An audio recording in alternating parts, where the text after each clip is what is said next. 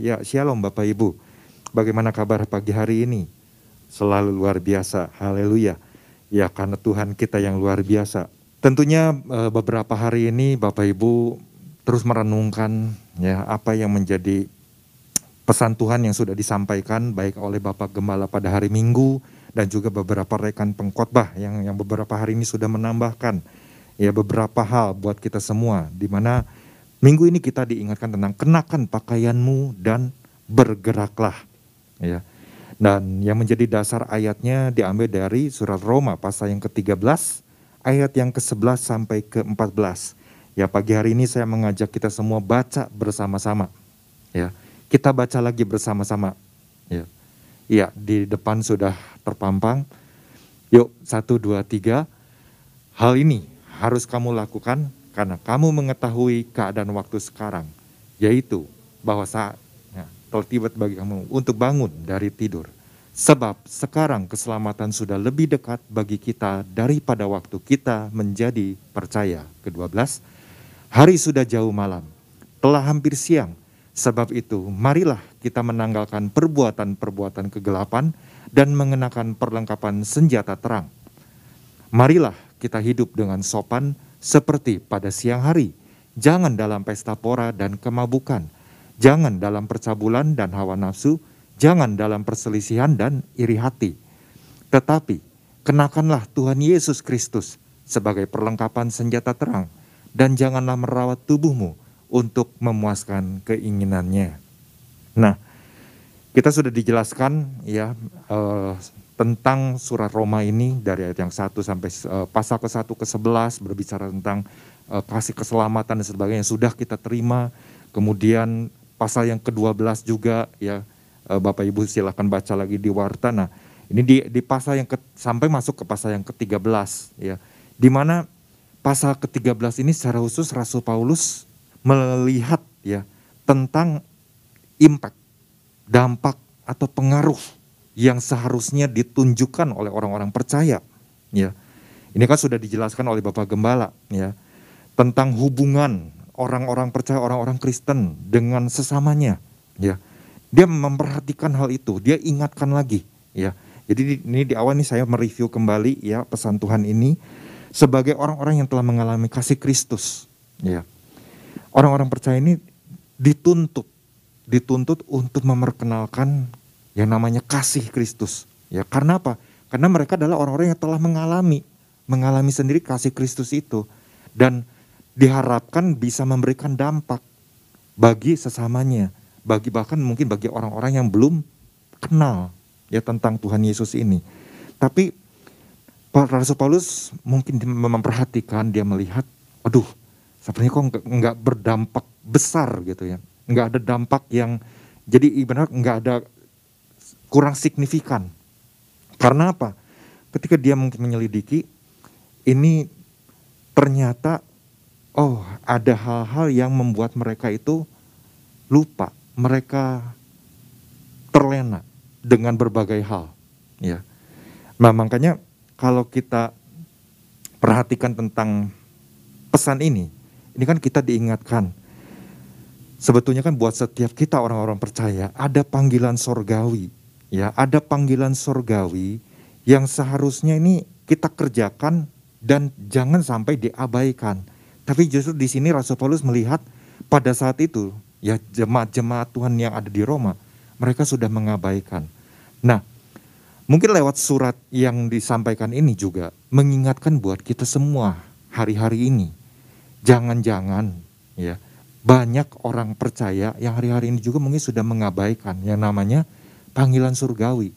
Apalagi kan ini berkaitan dengan pakaian ya dikatakan kenakanlah Tuhan Yesus Kristus. Ini waktu hari Minggu Bapak Gamal sudah menjelaskan mungkin ada di antara orang percaya yang sudah mungkin melepaskan ya kancingnya itu udah terlepas, udah melupakan apa yang menjadi panggilannya, melepaskan tanggung jawabnya dan lain sebagainya.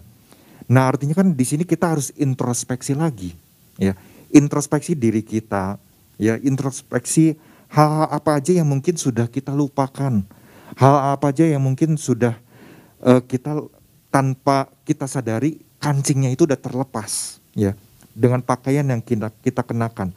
Atau bahkan mungkin pakaian yang kita kenakan itu mungkin udah jadi kotor bahkan. Ya.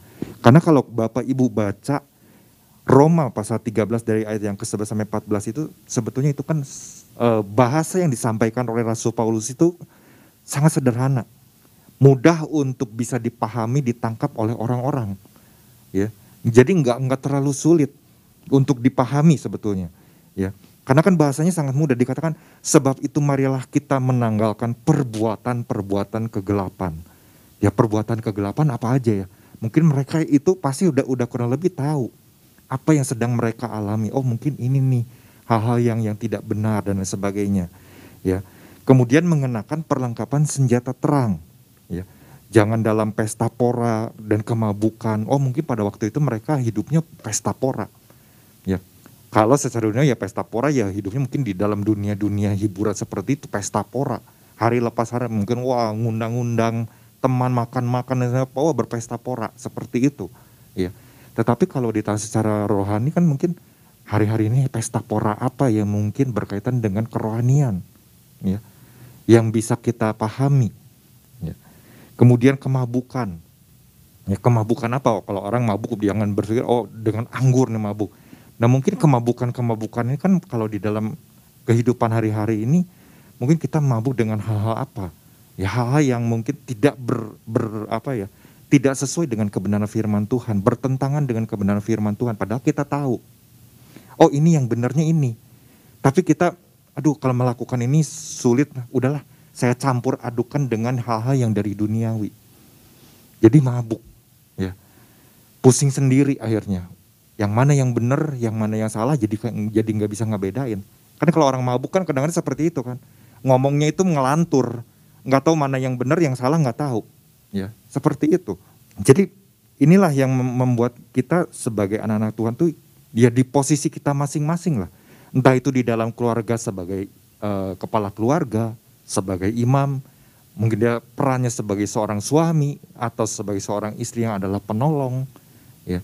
Atau mungkin juga anak-anak, mungkin pribadi kita sebagai seorang pengusaha, seorang karyawan, ya, atau mungkin anak-anak yang masih sekolah sebagai seorang pelajar, ya, atau juga uh, sebagai rekanan rekanan kerja seperti itu, atau apa pun lah. Di sini kita harus introspeksi, ya, introspeksi. Apakah panggilan surgawi yang Tuhan sudah tetapkan buat kita masing-masing ini udah mulai kita lupakan, mulai kita lepaskan ya. Nah kemarin ini juga kan di cell group juga mungkin uh, dibahas ya tentang wake up call ya. Wake up call. Kalau Bapak Ibu mungkin ada yang sedikit wake up call itu apa mungkin. Kalau orang yang pernah pergi tour ya, tour ke sebuah negara misalnya. Itu kan biasanya bergabung dengan rombongan orang lain yang nggak kita kenal ya untuk mengunjungi mungkin beberapa wilayah, beberapa kota, kadang-kadang kan ada orang yang mungkin ibaratnya apa ya, dia itu mungkin, aduh kalau bangun pagi itu cukup sulit, misalnya seperti itu. Jadi pihak mungkin tour guide mengingatkan kepada hotel, tolong ya nanti jam sekian morning call. Ya pernah dengar nggak mungkin istilah morning call? Ya, jadi ada uh, di setiap kamar tidur itu kan biasanya ada telepon ya. Kemudian kadang-kadang misalnya dibangunkan ya jam setengah lima pagi atau misalnya jam lima pagi supaya jam 6 itu mereka udah siap untuk sarapan langsung jam 7 berangkat misalnya seperti itu ya. Jadi biasanya kan jam 5 itu tiba-tiba telepon berbunyi. Tiba-tiba kan kita dibangunkan seperti itu. Orang yang sulit bangun biasanya kan aduh masih males nih, masih enak nih tidur dan lain sebagainya ya. Nah, itulah yang namanya morning call. Atau yang mungkin sering terjadi ya di sini ada banyak orang tua yang punya punya anak ya pernah nggak kita ngelihat anak kita misalnya kalau kita bangunkan ayo nak bangun kita ke gereja. Hari ini kita harus ke gereja jam jam 7 pagi nih. Kita harus udah di gereja ya. Kita nggak mau terlambat. Aduh mah males aduh mah males. Ya masih masih ngantuk. Kita sering menghadapi hal-hal seperti itu. Waktu anak-anak masih kecil mungkin dibangunkan. Aduh susahnya. Kadang-kadang mungkin lagi nggak bangun aja sampai dibopong ya di, diangkat dibawa ke mobil nanti disalinin di mobil. Mungkin pernah seperti itu Ya, ada yang seperti itu mungkin. Bahkan mungkin udah besar juga ada yang seperti itu. Mau mau ke gereja aja sampai sangat sulit untuk bangun gitu, ya. Padahal itu hal yang penting.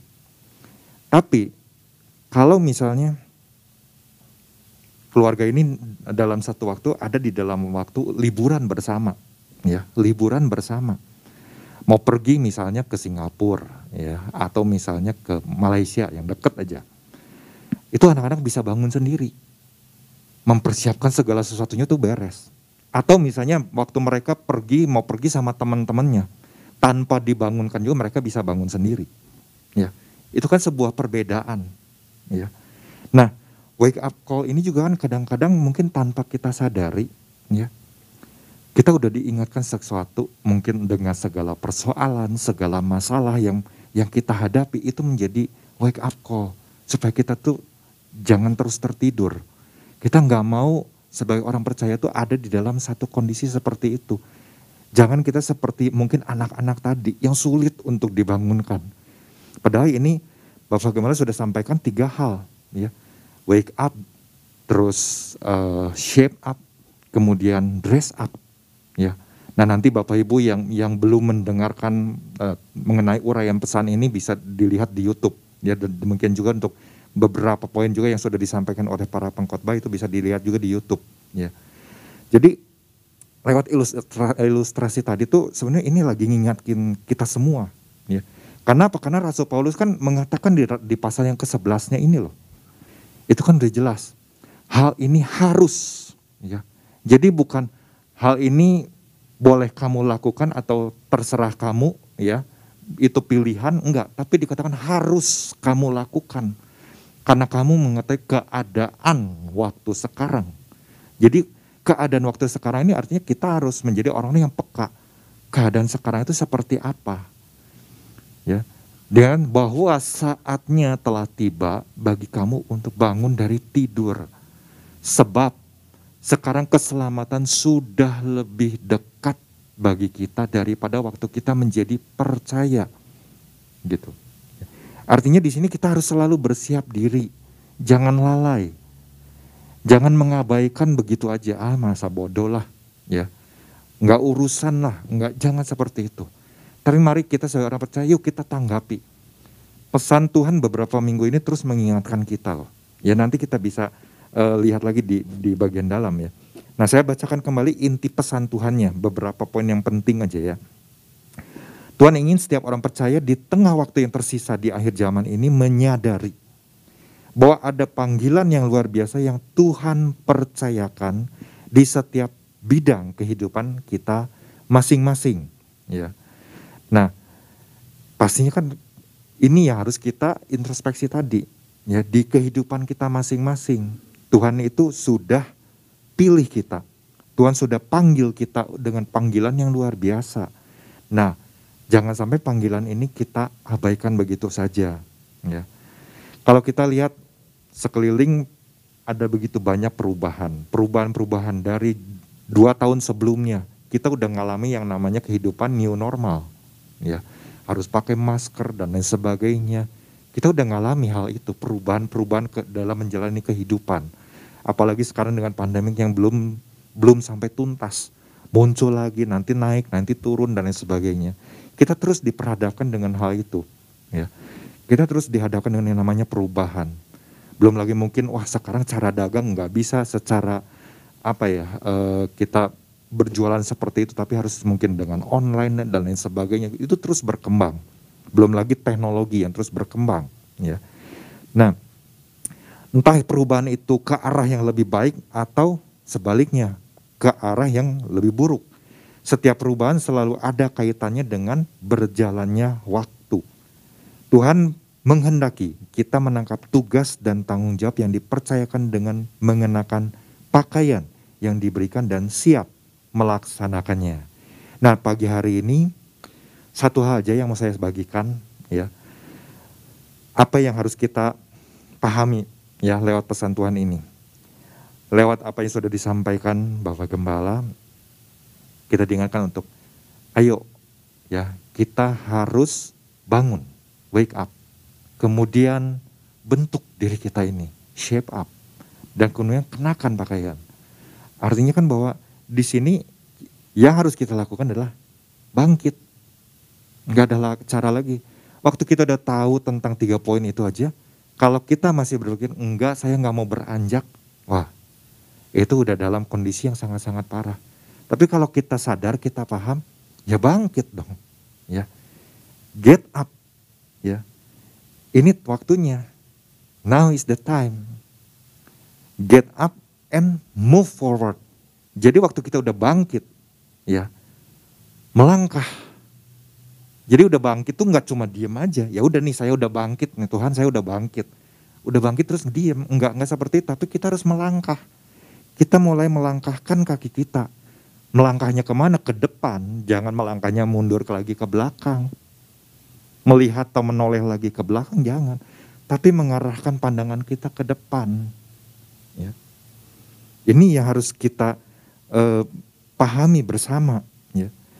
Kalau kita lihat bagaimana Rasul Paulus, ya, perjalanan hidup dari Rasul Paulus, dia kan di dalam kehidupannya boleh dibilang hidup di dalam sebuah ketaatan, taat akan hukum Taurat dan lain sebagainya.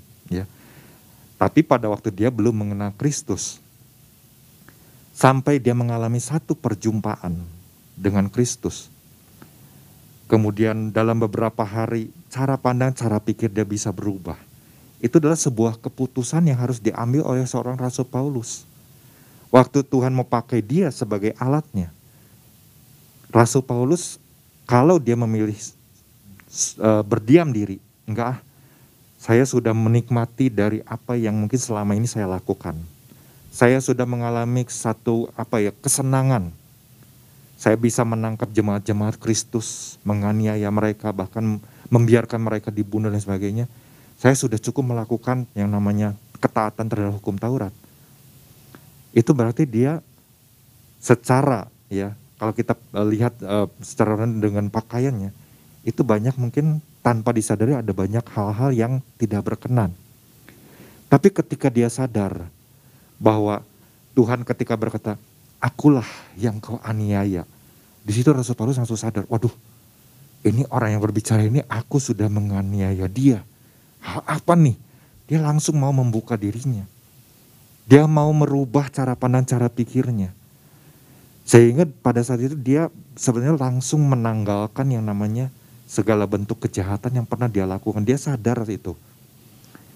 Ya, waktu dia mungkin membiarkan pengikut Kristus dianiaya sebenarnya dalam hati kecilnya ini sebenarnya nggak betul. Sampai dilempari batu, waktu dia melihat Stefanus dilempari oleh batu. Mungkin dalam hati kecilnya, dia sebenarnya lagi menolak tentang hal itu. Ini nggak adil. Ini bukan kasih namanya seperti itu. Nggak ada pengampunan sama sekali. Ya. Waktu Tuhan jamah hatinya, dalam beberapa hari dia bertobat. Kemudian waktu dia mulai sadar apa yang harus dia lakukan, dia sebenarnya mulai melangkah ketika dia mulai memberitakan siapa Yesus, orang-orang kan mungkin menduga jangan-jangan ini dia mata-mata nih. Jangan-jangan dia punya maksud yang gak baik nih. Nah, Rasul Paulus dia mengenakan pakaian, benar-benar mengenakan pakaian yang baru. Dia mengenakan Tuhan Yesus Kristus di dalam kehidupannya. Itu yang mau dia tunjukkan. Dia nggak mau mengotori lagi dengan hal-hal yang pernah dia lakukan hal-hal yang salah. Ya. Dia coba untuk membuktikan dirinya kepada banyak orang. Itu kan di awal-awal pelayanannya benar-benar sangat-sangat diragukan. Ya. Banyak orang yang mengalami ketakutan karena Rasul Paulus ini ada tiba-tiba di antara para rasul, di antara murid-murid Yesus. Kenapa? Karena mereka tahu perbuatan Rasul Paulus seperti apa. Tapi bagaimana Rasul Paulus ini lagi me, menunjukkan bahwa dia benar-benar mau mengenakan pakaian Kristus ini dalam kehidupannya. Dia mulai melakukan perubahan cara pandang, cara pikirnya. Ya sedemikian rupa. Sampai bagaimana pada akhirnya ya dalam perjalanan hidupnya dia banyak menulis surat-surat. Selama di penjara aja dia sampai bisa menguatkan orang-orang. Pengikut-pengikut Kristus, jemaat-jemaat Tuhan itu menunjukkan sebuah kasih yang sedang dia ajarkan kepada banyak orang. Makanya kan Rasul Paulus katakan sebab itu marilah kita menanggalkan di ayat yang ke-12-nya kan. Sebab itu marilah kita menanggalkan. Artinya menanggalkan kan bukan bukan berarti sekarang misalnya ini pakaian ini ada yang kotornya. Ya. Gimana cara untuk kita bisa tetap kelihatannya rapi, berwibawa dan lain sebagainya, ya. Orang kan mudah, ya. Misalnya saya ilustrasikan begini aduh pakaian saya kotor nih, gimana ya caranya? Ah, pinjam jaket teman deh. Atau misalnya, ah saya pinjam jas aja supaya kelihatan lebih berwibawa. Saya pakai, ya, saya pakai, kemudian kelihatannya rapi nggak? Rapi. Kita udah rapi sebenarnya, tapi ada yang kotor gitu. Untuk supaya nggak kelihatan kotornya itu, kita kenakan jas. Kita nggak bisa dalam arti rohaninya ya, kita nggak bisa menutupi hal-hal tersebut dengan yang lama tetap saya pakai, kemudian saya ambil yang baru, saya pakai aja yang baru, yang lama di dalam, nggak bisa.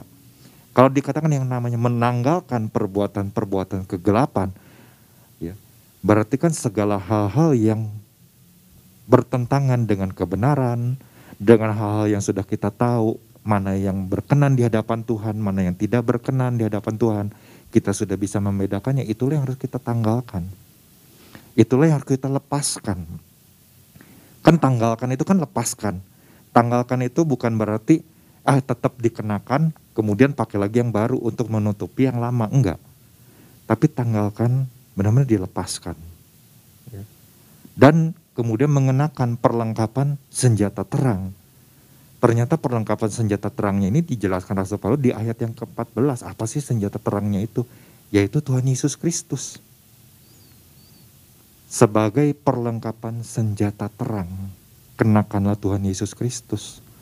Itu salah satunya. Ya. Dan jangan merawat tubuhmu itu dengan memuaskan keinginannya. Ya artinya kan ada keegoan kita, keinginan-keinginan kita yang mungkin masih menguasai diri kita.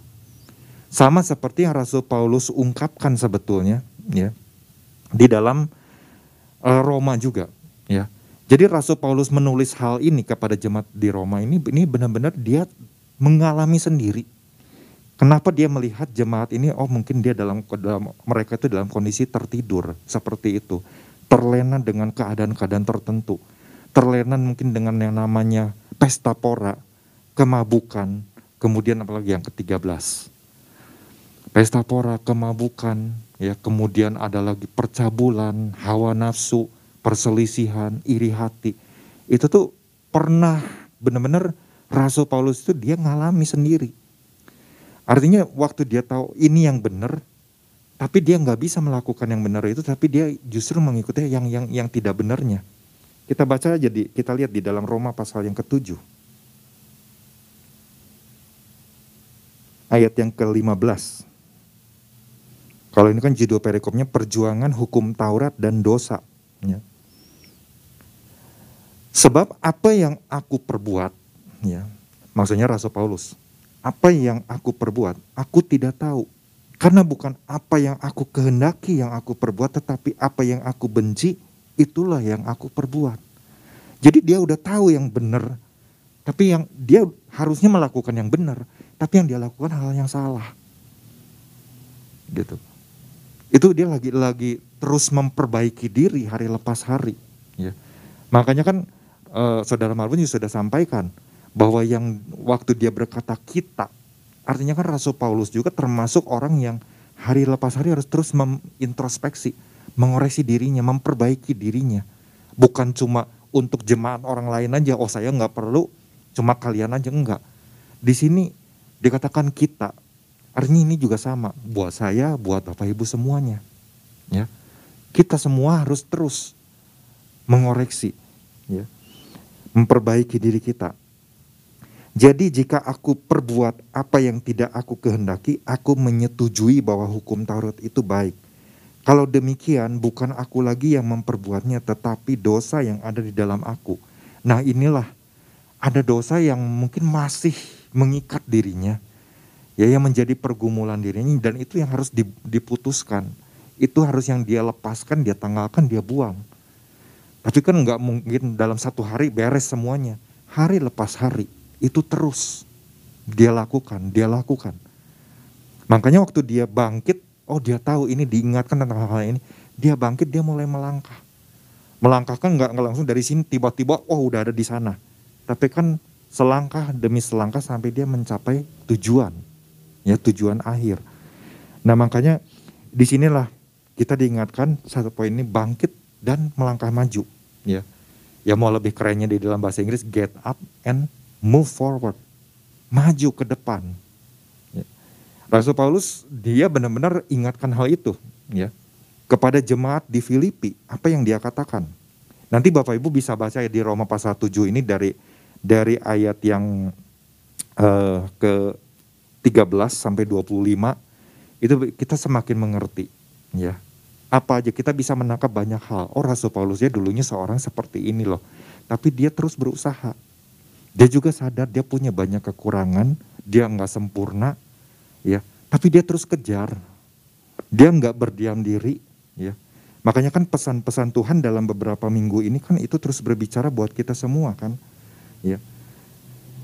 Kita diingatkan supaya apa yang beberapa minggu terakhir kan ada pesan-pesan Tuhan jangan uh, memasuki zona berbahaya, ya Kemudian minggu berikutnya dikatakan lagi ada pesan Tuhan merasa nyaman di tengah ketidakamanan. Lalu bagaimana minggu lalu kita diingatkan kenali musuh. Kenali gerakan si musuh. Kenali gerakan si musuh. Ya karena ini memang yang diinginkan oleh musuh untuk terus mem, apa ya mempengaruhi orang supaya terus hidup di dalam kecemaran, perbuatan-perbuatan kegelapan tadi. Nah, itulah yang harus dilepaskan dosa-dosa yang mungkin masih menguasai, itu yang harus terus dibereskan. Di dalam Filipi pasal yang ketiga, ini menjadi ayat yang terakhir. ya. Ayat ke-13 dan 14. Saudara-saudara, aku sendiri tidak menganggap bahwa aku telah menangkapnya. Tetapi ini yang kulakukan. Aku melupakan apa yang telah di belakangku dan mengarahkan diri kepada apa yang di hadapanku. Jadi waktu dia bangkit itu, dia mengarahkan diri kepada panggilan Tuhan. Mau dipakai sebagai alatnya Tuhan, dia arahkan seluruh hidupnya hanya kepada Tuhan. Mengikuti apa yang menjadi kehendak Tuhan, dia lakukan itu. Dia benar-benar arahkan pandangannya. Ya, dia mengarahkan diri kepada apa yang di hadapanku. Dan berlari-lari kepada tujuan untuk memperoleh hadiah yaitu panggilan sorgawi dari Allah dalam Kristus Yesus. Jadi panggilan sorgawi ini enggak dia abaikan, dia tahu ini adalah panggilan yang sangat mulia. Nah, di warta kan kita diingatkan, mungkin hari-hari ini banyak orang percaya yang sudah mengabaikan ya panggilan sorgawinya ini udah diabaikan oleh mereka. Tapi buat seorang Rasul Paulus dia nggak mau hal ini dibiarkan terlalu lama. Waktu dia beralih berjumpa dengan Yesus, kemudian dia mulai menjalin sebuah kehidupan, dia benar-benar menjaga yang namanya pakaian itu. Jangan sampai ada kekotoran-kekotoran gitu. Nah, karenanya mari jemaat Tuhan kita mau terus sama-sama berjuang ya. Kita sama-sama terus mau mengambil satu keputusan hari ini juga, saat ini juga. Ya ambil satu keputusan. Ya, waktu Tuhan ingatkan kita untuk bangun dari tidur. Kita harus bentuk diri kita. Kita harus ambil pakaian kita, kenakan pakaian kita. Berarti kita harus bangkit. Kita harus melangkah maju. Ya, jangan sampai kita udah bangkit berdiam diri, tapi kita harus melangkah maju. Tentunya bersama dengan Yesus. Ya, bersama dengan Tuhan Yesus Kristus. Mari Bapak Ibu, saya mendorong kita semua termasuk saya juga. Ya, kita sama-sama terus maju di dalam pengiringan kepada Tuhan Yesus. Tuhan Yesus memberkati.